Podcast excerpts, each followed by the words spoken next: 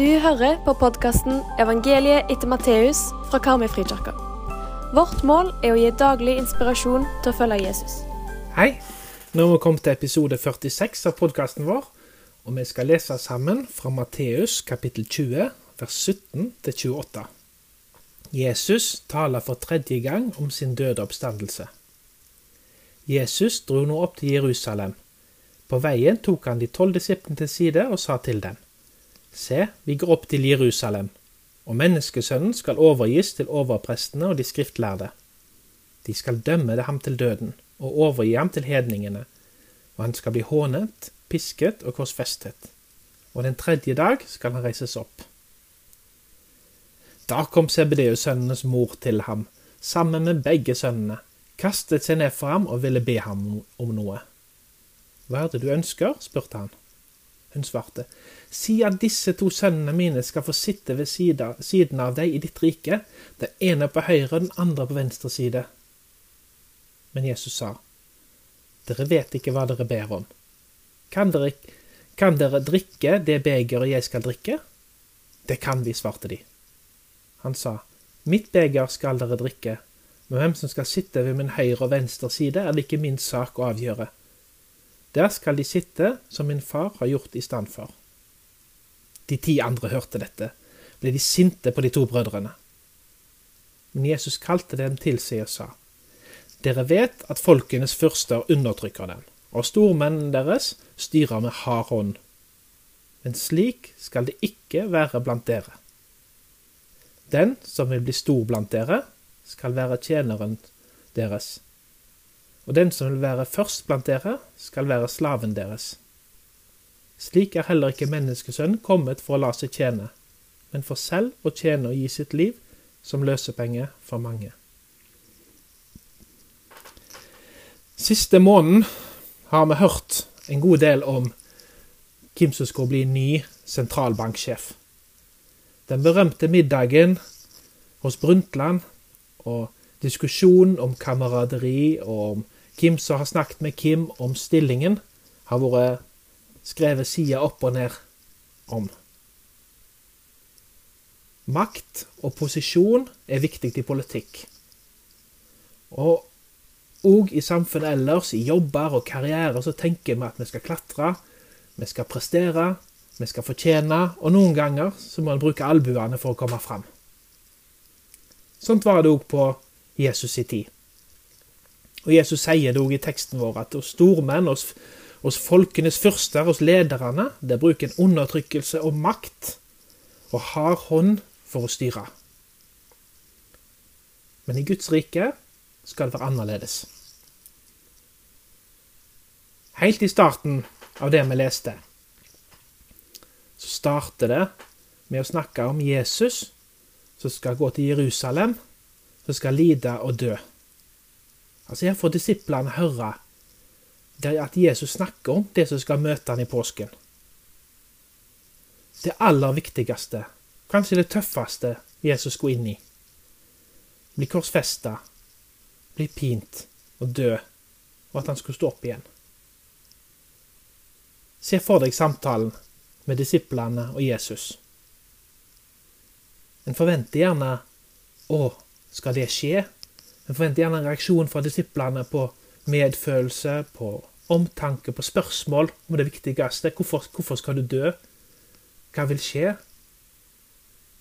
Men det som skjer, det er at mor til CBDU-sønnene kommer og vil ha en tjeneste av Jesus.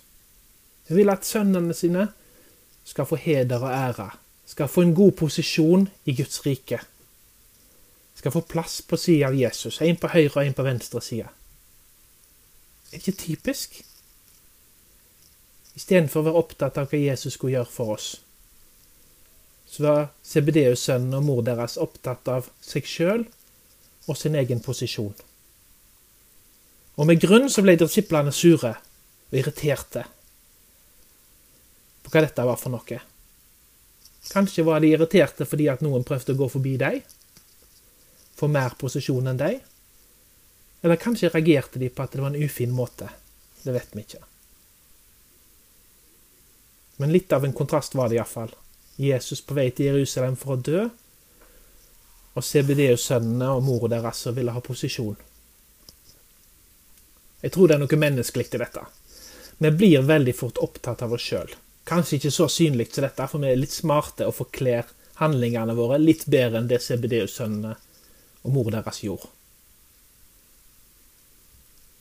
Men vi er veldig opptatt av oss sjøl, og vi vender fort blikket inn mot oss sjøl, både på godt og vondt.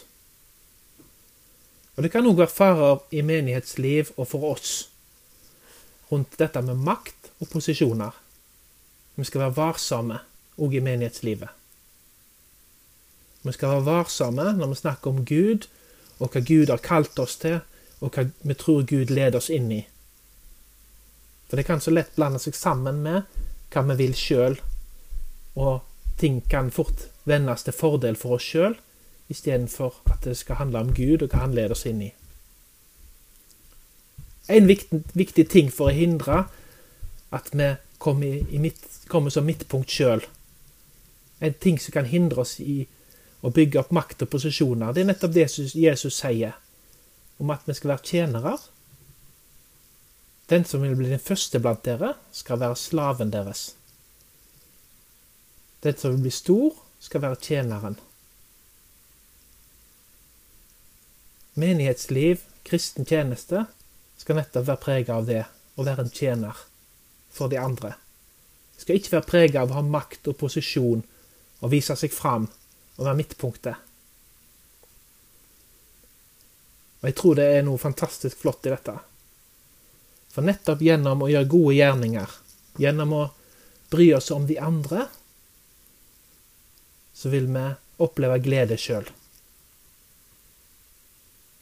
I dag så kan vi få lov til å tenke på hva vi kan gjøre for å tjene de som er rundt oss.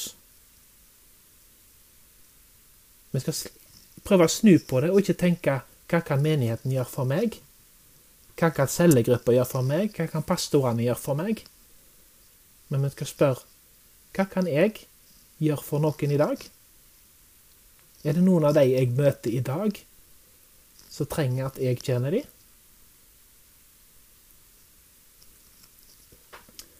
Teksten slutter på en litt rar måte. Vi er opptatt av å tjene Gud, og vi snakket i går om å tjene Gud. Og Dette handler jo om teksten i dag, og handler om å tjene Gud. Og Så kommer Jesus med en presisering. Menneskesønnen er ikke kommet for å la seg tjene, men for selv å tjene og gi sitt liv til løsepenger mange sted. Jesus vil ikke først og fremst ha deg som tjeneren sin, men han vil først og fremst få lov til å tjene deg fordi han ga livet sitt for deg. Og Nettopp dette er det, det som skaper gleden i å være en kristen, gleden i å tjene andre. Nettopp det at Jesus har sett meg. Jesus har brydd seg om mitt liv. Jesus ga seg sjøl for meg. Da skal jeg få lov til å vise den godheten mot andre. Ta, med, ta det med deg inn i dagen i dag. Gud, takk for at du ikke bare vil ha tjenesten vår, men du vil ha livet vårt, og nettopp derfor ga du deg sjøl for oss. Hjelp oss i dagen i dag å se etter noen mennesker som trenger oss. Hjelp oss å bry oss, hjelp oss å våge, og hjelp oss å gå. Evige Gud, du som har skapt himmelen og jorden og havet og alt som er i dem, og som gjennom alt det godt du gjør, vitner om at du finnes. Vi priser din storhet og ber for denne dagen. Omvend oss til deg, så vi ikke går våre egne veier, og fyll vårt hjerte med den gleden som gjør våre liv til en dyft av Kristus i verden. Må Guds fred, som overgår all forstand, bevare våre hjerter og tanker. Jesus Kristus. Ha en fortsatt god dag. Vi håper du blir med videre for å lese hele evangeliet etter Matteus sammen med oss. Leseplanen finner du på våre nettsider.